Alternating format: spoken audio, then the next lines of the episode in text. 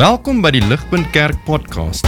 As Ligpunt Gemeente is dit ons begeerte om God te verheerlik deur disippels te wees wat disippels maak en 'n kerk te wees wat kerke plant. Geniet hierdie week se preek.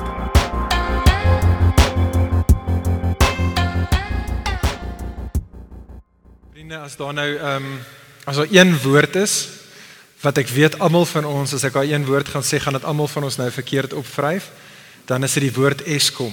Nee. Uh Eskom staan natuurlik vir the Electricity Supply Commission. Moenie my vra hoekom hulle hulle naam met 'n K skryf nie. Ehm um, hulle kan nie eens hulle naam reg spel nie. Maar maar maar nietemin Eskom nê is daar uh, om vir ons elektrisiteit te verskaf.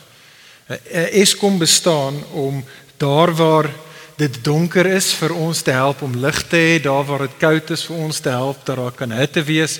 Uh, Eskom is daar en skenk vir ons hierdie krag sodat ons lewens kan floreer. En so wanneer Eskom dan kom en nie hulle bestaansrede vervul nie, wanneer Eskom nie hulle roeping vervul nie, dan suffer almal van ons daaronder.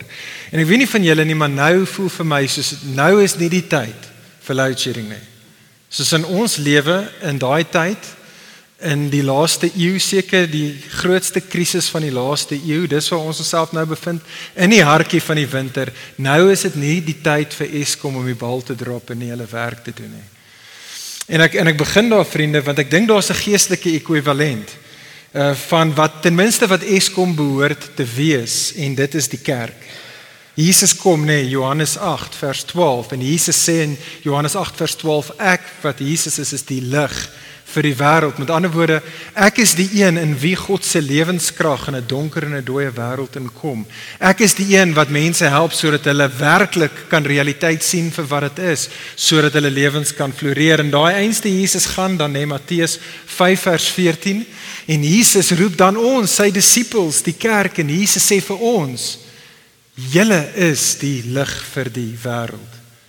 Matteus 5 vers 16: "So laat julle lig skyn." Voor ander sodat hulle julle goeie werke sal sien en julle hemelse Vader sal verheerlik. Inderdaad dit is nê nee, hoekom ons naam van ons gemeente van ons kerk ons naam is Ligpunt.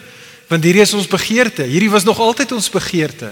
Is dat ons wil Christene wees en ons wil 'n kerk wees wat ons bestaansrede vervul wat ons roeping laat realiseer in die lewe. Ons wil 'n ligpunt wees uh, in ons stad en in hierdie wêreld.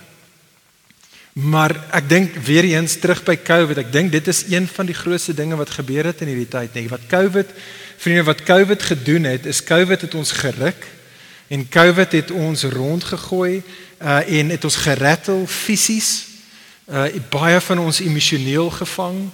Maar ek dink ook dit het ons geestelik uh, as die kerk geaffekteer. En so ek dink en, en Johan het dit vroeër genoem een van die dinge in hierdie COVID tyd is dat ons bevind onsself nou in 'n in 'n wêreld waar ek dink die kerk universeel en ek dink dit is ook waar van ons hier by ligpunt is dat ons ons is so gerattel deur COVID dat dit het ons half binne toe kykend gemaak Nou daar's 'n mate waarin dit verstaanbaar is. Daar's 'n mate wanneer ook ook al daar 'n krisis is, moet mense in 'n mate begin deur te konsolideer en so binne toe kyk vir 'n seisoen is fyn en reg. Maar vriende, ons is nou al vir 'n jaar en 'n half van die gang met hierdie storie. En, en en nou is nie die tyd vir ons as die kerk om bloot net binne toe te kyk, heeltyd na onsself, individueel, heeltyd na onsself as die gemeente nie. Vriende, ek weet nie of julle ooit so oor dink nie. Ons lewe eintlik as Christene nou in die beste tyd wat ons moontlik in kon lewe. Ons lewe in 'n wêreld wat nou so angstig is. 'n Wêreld wat so onseker is, so alleen is, so hulpeloos is. Ons lewe in 'n wêreld wat nou dink ek meer as nog ten minste vir die laaste eeu of ten minste vir 'n baie lang tyd die groot vraag oor die lewe vra. Die vraag oor wel wie is God en is daar 'n God en wat is die betekenis van die lewe? Die ons lewende wêreld wat nou daardie vraag vra vriende en so nou is nie die tyd vir die kerk om spreekwoordelik geestelike load shedding te hê nie. Nou is die tyd vir ons om 'n ligpunt te wees in ons stad, in ons wêreld, onder ons vriende, tussen ons bure, by ons families, by ons werkskollegas. Dis nou tyd vir dit, vir ons om 'n punt te wees. En vir daai rede wil ons graag om om ons almal en my eie hart daarvoor aan te spoor juis in 'n tyd soos nou uh om ons roeping te realiseer wil ons saam graag kyk na die boek van Jona. Julle sien die boek Jona is soos die naam sê geskryf uh en dit vertel ons die storie van hierdie profeet Jona, maar dit is eintlik 'n storie wat daar is vir God se mense en oorspronklik vir Israel. En want dit is Israel se groter storie gewees. So so Genesis hoofstuk 12 kom God in 'n in 'n donker in 'n duister wêreld en God is die een wat inisiatief neem, nê, nee, en hy reik uit na 'n man met die naam van Abraham en God sê vir Abraham: "Abraham, ek gaan in 'n verhouding met jou woon en wandel." En Abraham, ek gaan vir jou en vir jou nageslag seën, maar hierdie is die rede, Genesis 12 vers 3. Sodat julle 'n seëning sal wees vir die res van die nasies om julle dat die nasies deur julle geseën sal word. Eksodus 19 sien ons dit is die nageslag van Abraham hierdie groot volk, die die Israeliete en en God roep hulle bymekaar en God sê vir hulle: "Julle Israel gaan my ehm um, priesters wees. Julle gaan 'n koninkryk van priesters vir my wees. Met ander woorde, julle gaan 'n mense wees wat in hierdie wêreld middelaars gaan wees. Dis wat 'n priester is middelaars gaan wees tussen my en 'n gefalle en 'n gebroke wêreld. Teen die tyd van die boek uh, Jesaja kom die profeet Jesaja, hy herinner dan ook vir Israel. En die profeet uh, Jesaja sê vir Israel: Israel, God het julle juis opgerig sodat julle 'n lig vir die wêreld sal wees. En dan kom die profeet Jesaja en hy soos al die ander profete in die Ou Testament vermaan vir Israel want hulle was nie besig om 'n lig vir die wêreld te wees nie. Hulle was besig op hulle eie om aan te gaan met hierdie hierdie hierdie hierdie verhouding met hulle God waar al die seënings hulle vir hulle self gehou het. En dit is vir daardie rede vriende dat die boek Jona gepen is. Die boek Jona is daar om God se mense te roep om God se sendingsmandaat te vervul. In die taal van wat ons gaan sien, ons gaan dit vandag sien in hoofstuk 1 vers 2 En ons gaan presies dieselfde woorde sien in hoofstuk 3 vers 2. Die boek van Jona is daar om God se mense te roep om op te staan en om te gaan na die Ninefees van hulle wêreld toe. En dit is wat gaan doen. So vinnig net 'n big picture voordat ons inzoom op ons hoofstuk. Ehm um, Jona is 'n kort boek, is 4 dis 4 hoofstukke en wat ons gaan sien deur die boek is daar is hierdie 4 insidente uh, hierdie vier interaksies regtig tussen God en Jona waar God in elkeen van daai hoofstukke vir Jona 'n les gaan leer, maar is nie net 'n les vir Jona nie. Dis ook 'n les natuurlik vir Israel. Dis 'n dis 'n les vir ons wat God via Jona vir ons wil leer om ons te motiveer en om ons te mobiliseer om ons om die sendingsmandaat te vervul. En so vandag kyk ons na Jona hoofstuk 1. En vandag in Jona hoofstuk 1 vriende is hierdie die groot idee. Ek gaan reg aan die begin gaan ek vir ons die antwoord gee en dan wil ek hê ons met die storie dit sien. Maar vandag is die groot les wat ons gaan sien wat God gaan leer is die volgende. Naamlik dat hy die Here is die enigste ware God wat verhewe is bo alles en bo almal. Vriende, hierdie is die eerste rede dan hoekom ons moet opstaan en gaan na die Ninefees van ons wêreld toe, want die God wie ons aanbid, hy is die enigste ware God en hy is verhewe bo alles en almal. Kom ons sien dit in hierdie storie raak saam met my. Hou julle Bybels byderhand, moet dit nie mis nie. Dit is 'n amazing amazing storie. Sien saam met daarso in vers 1 tot 3 sien ons eerstens daarso 'n Jonas se verontagsaming. So dadelik hierso begin hierdie boek uh, om uh, met die deur in die huis in te val. Lees saam met my daar vers 1 en 2.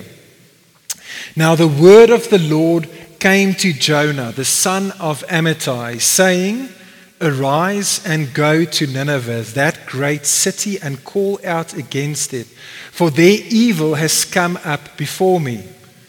Nou ons mag dit dalk mis so 'n bietjie vriende, maar eintlik is hierdie begin van hierdie boek is eintlik verstommende woorde.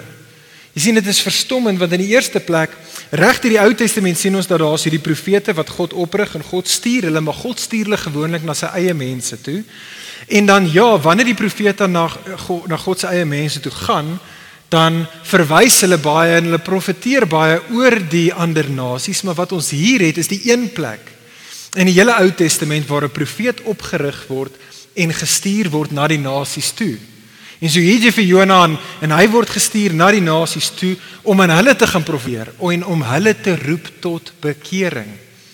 En 'n ander verstommende ding wat ons hierso het nog steeds daar aan die begin is om te sien na waarna toe Jonah geroep word. Hy word nie sommer net geroep na put sonder water toe of een of ander local plekie toe nie. Hy word gestuur na Ninive toe, die die hoofstad van die groot wêreldmoondheid van daardie dag. Jy sien Ninive was die hoofstad van Assirië gewees. En Assirië was op daardie stadium die baas van die plaas in die bekende wêreld gewees. Dit is die groot land wat wat geregeer het en wat alle ander plekke insluitende vir Israel op daardie stadium onderdruk het en God sê vir Jona Jona gaan na hulle toe en gaan roep hulle tot bekering gaan vertel hulle dat my oordeel is op pad maar die verdere verstommende ding hierso vriende vind ons daar in vers 3 nê nee. En dit is die manier dan wat hierdie profeet van God reageer wat doen hy wel vers 3 but Jonah rose to flee to Tarshish Jy sien daai woordjie daarso rose vers 3 is presies dieselfde woordjie as in vers 2 arise. Dis presies dieselfde ding. En so wat jy hierso het is dinge begin dit begin goed. Jona rose, hy staan op, maar dan gaan hy nie na Ninive toe nie. Uh wat hy doen is hy draai 180 grade om en so vinnig en so ver as wat hy kan probeer hy wegvlug in die teenoorgestelde rigting na Tarsus toe.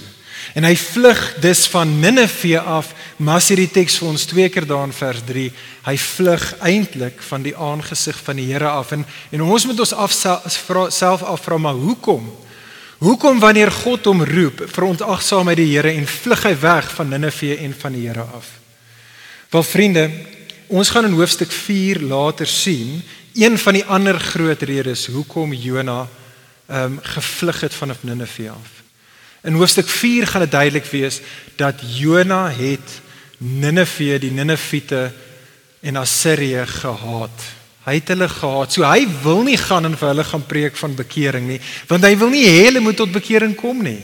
Hy wil hê hulle moet onder die oordeel van God bly en die hulle verdiende loon kry. En so dit gaan ons in hoofstuk 4 sien is die rede hoekom hy nie wil gaan nie, maar ek dink hier in hoofstuk 1 is daar 'n ander rede wat die teks eintlik op fokus. 'n Ander rede hierso hoekom Jona probeer wegvlug van Ninive af. En dit het te doen alles met hulle vrees, met Jona se vrees. Die rede hoekom so sê dat dat Jona hierso weghardloop want hy is bang vir wat sal gebeur as hy gaan. Vriende, ons gaan dit nou sien in die res van die storie hierna. Die res van Jona 1 gaan ons die woordjie vrees oor en oor sien. Dit is die hoofpunt van die hele storie van Jona hoofstuk 1. Maar kyk net saam met myself net in die versie voor die opdrag in vers 2 of wel in die die vers van die opdrag. Ons word daar gesê in Jona 1 vers 2 dat Nineveh was a great city. Dit is hierdie groot stad, dit is hierdie intimiderende plek. Ons word gesê daar in vers 2 dat dit is 'n bose stad. Die Ninevite vriende was bekend gewees in die antieke wêreld as nie net 'n goddelose mense nie, maar hulle was bekend vir hulle gruweldade. Vir hoe hulle mense totaal en al gemartel het en doodgemaak het op die vieslikste vieslikste van maniere. En dit is wat eintlik hierso afspeel dink ek. Ek weet nie wie van julle en dis ek dink so 'n bietjie meer van 'n 'n 'n mans docu-series op Netflix. Ek weet nie wie van julle het al Medal of Honor gesien nie. Mans, kyk Medal of Honor, it's amazing. Dit vertel hierdie hierdie hierdie hierdie stories van soldate in Amerika wat die Medal of Honor gekry het tydens die uh, ek dink is die eerste en die tweede wêreldoorlog veral juis vir hulle valor. Nou valor is daai woord in Engels wat verwys vir iemand wat wat geroep word deur sy bevelvoerder na 'n taak, daar's 'n mandaat wat hom gegee is. Dit is gevaarlike ding om te doen, maar ten spyte van die gevare volhard daardie persoon en, en is daardie persoon getrou aan die mandaat wat aan hom uh, gerig was. En vriende, dit is nie wat Jonah gedoen het nie. Nee. Jonah was nie so 'n tipe van 'n uh, sendeling soldaat gewees nie. Nee, toe sy bevelvoerder die Here hom roep, het hy die vrees gesien en hy het die haase pad gekies. Hy het soos eh, soos wat hulle sal praat in weermag eh, weermagstale, hy het abscond van sy duty. Dit is wat wat Jona hier gedoen het. En die realiteit is nê, nee, vriende, dat die storie van Jona is maar eintlik baie kere ook jou en my storie. Is dit nie? Jy sien ons ons is net soos Jonah geroep en gestuur.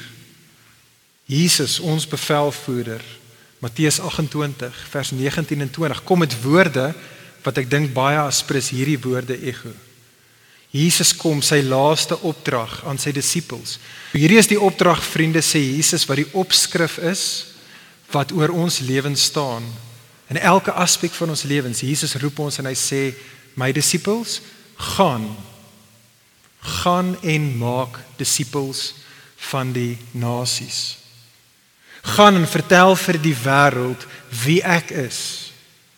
Gaan vertel hulle wat ek gedoen het. En gaan vertel hulle wat gaan gebeur, wat ek nog gaan doen. Dat daar 'n oordeel op pad gaan roep die nasies tot bekering. En is dalk 'n goeie plek vir ons om te stop vandag, is dit nie? Vriend, vriendin, vra jouself net gou vir 'n oomblik af. Waar is jou Ninive? Wie is die Ninivite? Na wie toe die Here jou roep. Want die Here roep ons almal en in sy soewereiniteit plaas hy vir jou en vir my in sekere plekke waar hy ons uh, laat 'n paaie kruis met ander mense, ander mense wat hy wil hê ons moet vertel van wie die Here is, wat hy gedoen het en wat hy gaan doen. Wie is jou Ninive? Dalk is dit jou dalk is dit jou eggenoot, dalk is dit jou kinders, dalk is dit iemand in jou familie. Dalk is 'n pel van jou, 'n vriend of 'n vriendin, 'n werkskollega, jou buurman. En realiteit is net vriende dat net soos Jona weet ek en jy gewoonlik waar en wie is ons Ninive. Maar net soos Jona vrees ons op die beste van tye om te gaan na ons Ninive toe. Ons vrees nie dit wat ons selfs in die video hiervoor gekyk het baie kere ten minste nog nie nou nie. Anders as baie van ons broers en ons susters op ander plekke, het vrees ons nie vir dat ons in tronke gegooi gaan word en dat ons koppe afgekap gaan word of ons gaan mishandel word nie. Maar die realiteit is ek dink elkeen van ons ken dit en weet hoe dit voel om gevrees te word om bespot te word om eers maar net weer daai Christen te wees, nê. Nee. Die een wat gekritiseer word want jy's tog so eng en jy's net te boring en jy's so self-righteous en jy's liefdeloos en jy skyn heilig en ons vrees die verwerping wat saam met dit kom. Ons vrees om te gaan na daai familielid van my toe of om te gaan na daai vriend of daai vriendin of daai werkskollega. Ons vrees dat as ons sou gaan en vir hulle gaan vertel om tot bekering te kom dat ons gaan gebrandmerk word en ons gaan stadig maar seker uit daai sirkel uitgewerk word. Uit die sirkel van jou familieverhoudings uit of uit die sirkel van jou vriendegroep uit of uit die sirkel selfs van die werk waar jy is. Ons is bang dat ons gaan benadeel word en so wat doen ons? Of wat ek en jy doen vriend vriendin ons doen net soos wat Jonah gedoen het ons vlug. Ons vlug van ons Nineveh af Moenie vir 'n oomblik dink dat Jona het probeer om letterlik van die teenwoordigheid van die Here af te probeer vlug nie. Paul Jona se teologie is goed. Hy weet God is alomteenwoordig. Jona weet goed daar's nie 'n plek op aarde waar hy ewe skielik nie is waar God nie is nie. Nee, wat Jona hier doen wanneer hy vlug, is Jona vlug vriende van God se roeping op sy lewe. En so is dit ook baie keer met ons. Ons weet waar tot Jesus ons eintlik roep. En ons weet wat is die groot opdrag wat oor ons lewens staan? Gaan en gaan maak disippels. Maar wat ons as westerse Christene gedoen het en hierdie is 'n totaal en alle moderne verskynsel.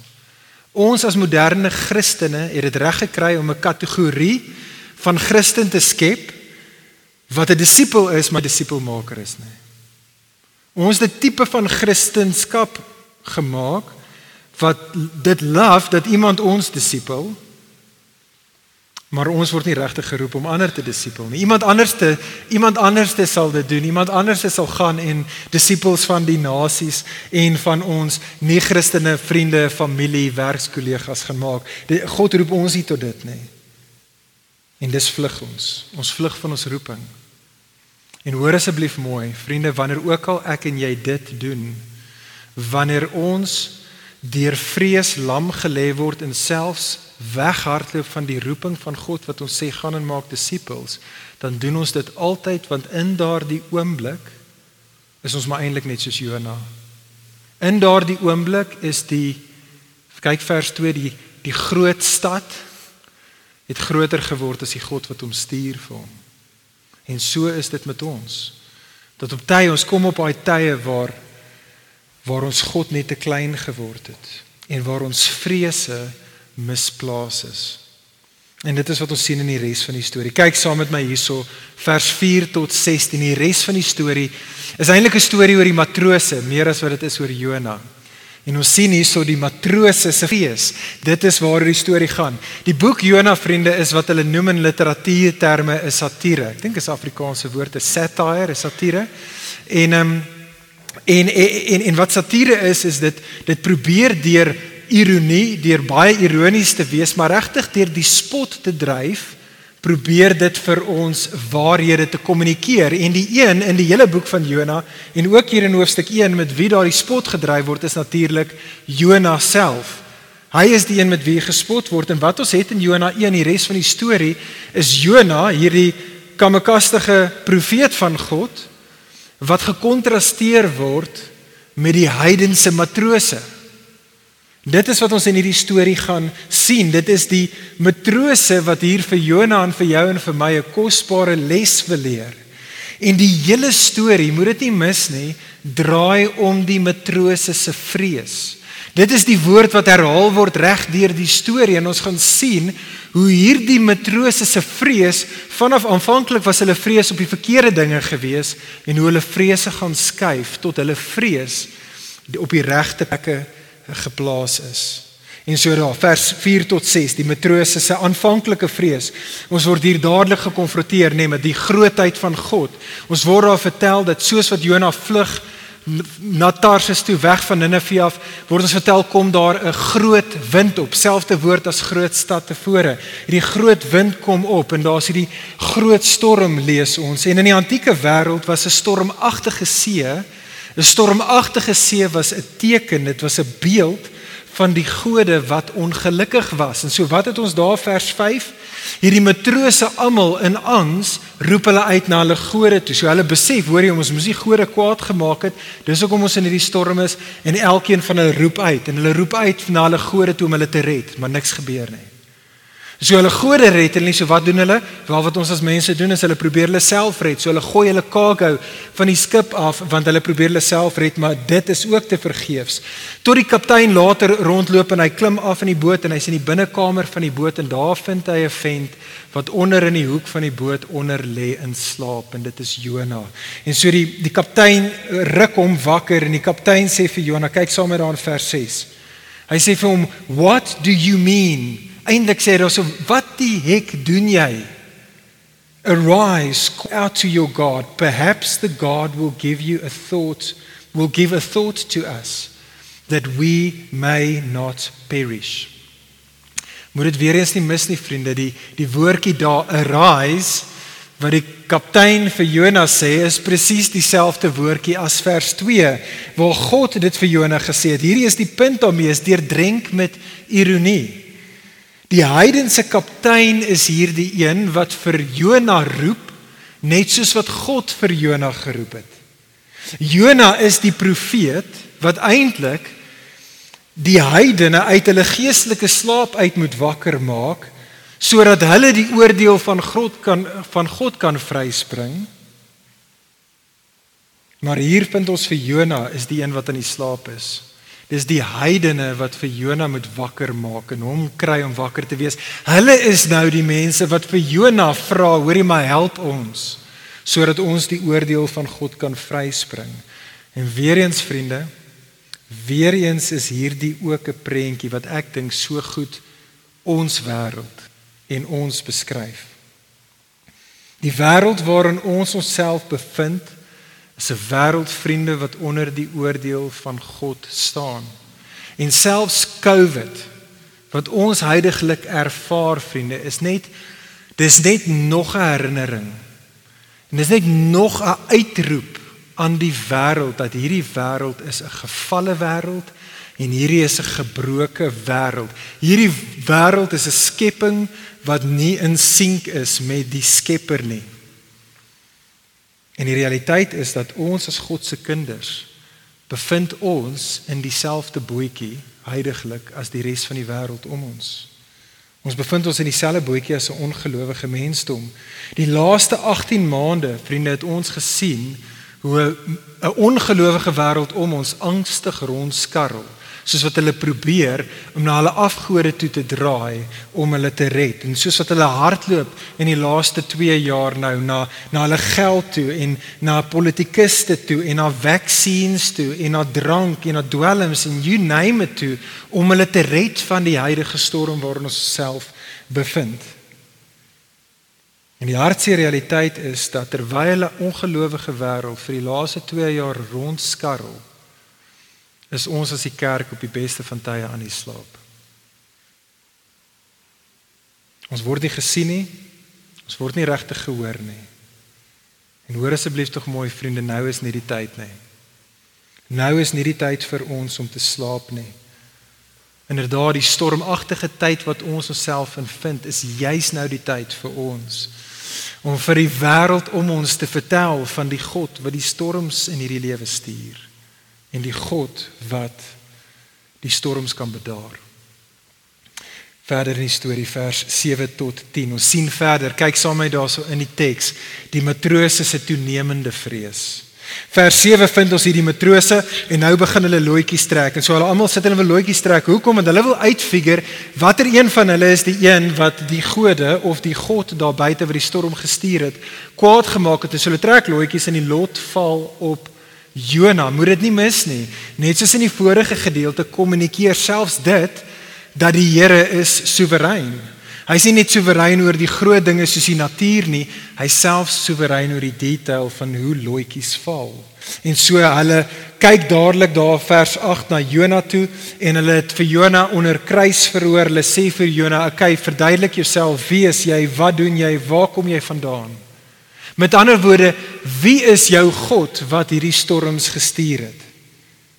Kyk wat sê Jona vers 9. Hy sê die volgende. Hy antwoord en hy sê, I am a Hebrew and I fear the Lord, the God of heaven, who made the sea and the dry land. Hier het ons die hoofpunt van die storie. Vers 9 is die hoofpunt van hoofstuk 1. Die Here Jawe vriende is die God van die hemel. So hy is die God oor alle gode. Hy is die verhewe God bo alles en almal. En weer eens is Jonas se woorde hier super ironies. Dit is ironies want Jonas bely met sy monde dat die Here is die een wat verhef is oor alles en almal, maar hy wat Jonas verontagsaam die Here. Jonas die een wat sê die Here is die een wat in beheer is oor die land en die see en Jonas probeer vlug oor land en see van hierdie God. Jonas die een hierso wat sê ek vrees die Here, maar dit is super obvious vir almal dat hy vrees die die die Ninevite meer as wat hy die Here vrees. En dit is juis Jonas se selfweerspreking by die heidense matrose. Dis belaglik. Die heidense matrose wys dit uit en hulle vermaan vir Jona voor vers 10. Hulle sê vir hom: "Wat dink jy doen jy?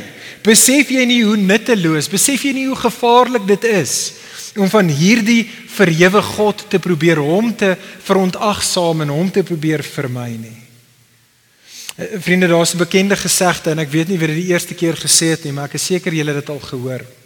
Die gesegde sê dat uh, the longest journey you will ever take is the 18 inches from your head to your heart. En dit is inderdaad waar van Jona, nê? Nee. Is dit nie? Vers 9, Jona gee die regte Sondagskool antwoord. Hy sê ek vrees die Here wat verhewe is bo alles en almal. Maar in vers 10 kan die heidene sien wat sy funksionele God is. En so is dit ook met ons. Wel ten minste met my. Dis ten minste waar vir my. So baie kere vriende, my teologie is heel oukei. Okay. My teologie is goed. En met my mond bely ek baie baie kere dat die Here is almagtig. Hy is verhewe oor alles. Maar in my vrees en dus in my verontagsaming om te gaan na die Ninefees van my lewe toe, verklap ek dat my hart nie werklik rus in die grootheid van die God aan wie ek my lewe toevertrou nie. Julle sien wat ek doen en ek dink dit is nie net ek nie, ek dink elkeen van ons doen dit. Wat ek doen in sulke tye is wat ek nodig het in sulke tye is ek het nodig om weer gekonfronteer te word. Ek het nodig om weer herinner te word aan die Here se magtige dade en dit bring ons by die laaste gedeelte van die storie. Laaste gedeelte van die storie vers 11 tot 16. Kyk saam met my daarso ons sien die matrose se goddelike vrees. sien hulle goddelike vrees. So die matrose hier uh, besef dat hulle onder die Here se oordeel staan en so kyk wat roep hulle uit of vir wat vra hulle daarso vir Jonah vers 11 hulle sê what shall we do to you so that the sea may quiet down for us? Nou pause daarso. Kyk weer na wat hulle daarso vir Jonah sê. Kan julle sien wat liseer hulle vraag?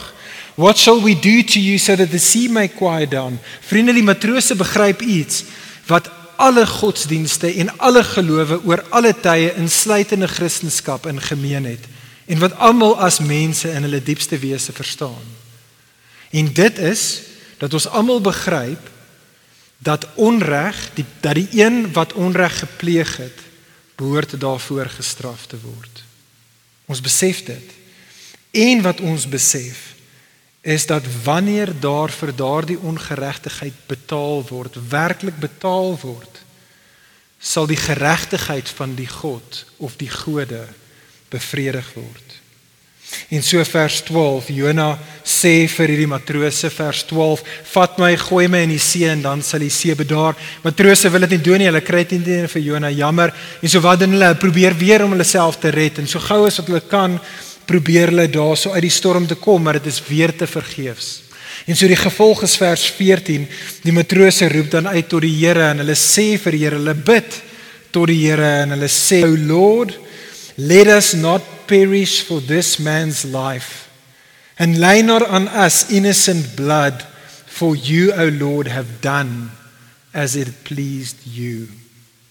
En dis gaan hulle en hulle gooi vir Jona oorboord vers 15 en hulle sien vir Jona daar in die waters insak en die storm bedaar. En die klimaks van die storie van die gedeelte vers 16 Then the men feared the Lord exceedingly and they offered a sacrifice to the Lord and they made their vows. Vriende, sien jy dit? Moet dit nie mis nie. Hier kom die storie full circle. Die matrose wat aanvanklik die storm gevrees het en die God gevrees het wat die storm moes gestuur het en toe gehoor het van hierdie onbekende God en hom toe meer gevrees het. Hulle word nou gered deur die magtige dade van die einste God en nou vrees hulle hom en nou vrees hulle hom toenemend. Dis en hulle is gevul met 'n goddelike vrees soos wat hulle besef wie die God is met wie hulle werklik te doen het. En weer eens hier is die les. Hier's die les. Die die die matrose vrees die Here soos wat Jona die Here moes gevrees het. En die matrose gaan dan einde vers 16 en hulle bring vows. Hulle sê vir daardie Here vir die Here, Here ons sal doen wat ook al jy sê. Hulle hulle maak hulle vows soos wat Jona in vers 2 moes gemaak het. En weer eens, die matrose is hier vriende 'n prentjie vir wat nodig is om met jou en met my te gebeur. Jy sien soos wat ons in ons vrees lam gelê word om te gaan na ons Nineveh toe, het ons nodig om met die magtige verlossingsdade van die Here gekonfronteer te word. En die plek vriende waar ek en jy die duidelikste die Here se magtige verlossingsdade sien is in die persoon van Jesus. Jy sien Jesus is natuurlik nê nee, die beter Jona. Ons vind in elkeen van die evangelies ten minste Matteus, Markus en Lukas uh, sien ons en vind ons vir Jesus ook in 'n skei ook tydens 'n storm ook aan die slaap. Maar wat anders is in daai storie met die beter Jona is hy word dan wakker en dit is hy wat die storms bedaar want hy is die Here. Hy bedaar die storms. En dit wat hy daar doen deur die storms daar te bedaar en te wys wie hy is, is eintlik maar net 'n 'n prentjie van die ultimate storm van God se oordeel wat hy sou kom om te bedaar. Kyk kyk na hoofstuk 1 vers 14. Wat 'n pragtige gospel versie is daai nie vir jou en vir my nie. Maar hier's die verskil met die beter Jona. Hy was ook in die bootjie saam met ons gewees. Maar anders as daar waar die waar waar hulle die ouens was met die innocent blood wat onskuldig was en Jona die skuldige was, Jesus die een wat eintlik die innocent blood gehad het en ons was die skuldiges. En Jesus gaan dan en hy sê alhoewel julle die skuldiges is, ek weet hoe ons die waters van God se oordeel kan laat bedaar. Gooi my in. En Jesus gaan en Jesus op die kruis ervaar die oordeelswaters van God sodat ek en jy wat nou nog steeds in hierdie bootjie is en wat nog steeds God se oordeel verdien, nou kan uitkyk oor die skei en die water is spieelglad. Daar's net vrede en genade vir jou en vir my want Jesus die onskuldige een het vir ons as skuldiges was hy oorboord gegooi. Vriende, dit is die evangelie en dit is net in hierdie plek waar ek en jy nie net die eerste keer nie, maar oor en oor daagliks die heeltyd kan onthou wie is hierdie Here van ons, die Here wie ons aanbid en ons soos ons ons herinner aan sy magtige verlossingsdade. Dit is in daai plek, vriende, waar ons soos hierdie matrose 'n gesonde vrees vir die Here kry wat groter is as ons vrees vir die Ninevehs van ons wêreld. En so ek wil hiermee afsluit. Terug by Matteus 28, die opdrag aan jou en my. Jesus se laaste opdrag aan ons vriende, hoe begin Jesus die opdrag? Die opdrag vir jou en vir my is gaan en maak disippels. Vers 19 en 20 van Matteus 28. Hoe begin Jesus daardie opdrag? Wel Matteus 28 vers 18. Jesus sê all authority in heaven and on earth has been given to me. Therefore go and make disciples. Vriende, die Here wat jou en my stuur na die Ninefees van ons lewens toe.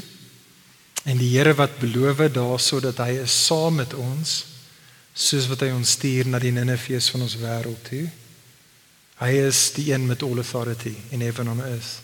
Hy is die almagtige een wat verhewe is bo alles en oor almal.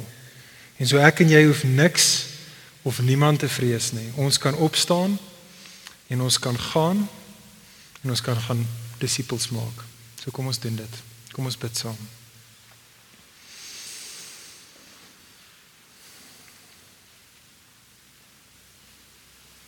Ag Vader, ons is verstom dat U 'n God is wat in U seun Jesus, die Here Jesus, die storms van U en die waters van U oordeel vir ons stil gemaak het.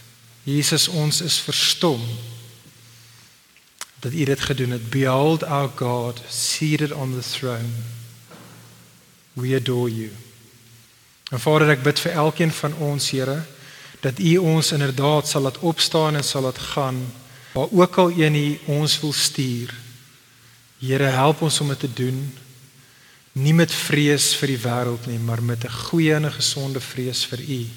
Ag Here, help ons om hierdie tyd te gebruik. Help ons om hierdie seisoen selfs level 3 van lockdown te gebruik. Here, help ons om die geleenthede te sien. Here, kom en gebruik ons en stuur ons uit. Ons bid dit in die goeie naam. Amen. Vir meer inligting oor Ligpunt Kerk, besoek gerus ons webwerf op www.ligpunt.com of kontak ons gerus by info@ligpunt.com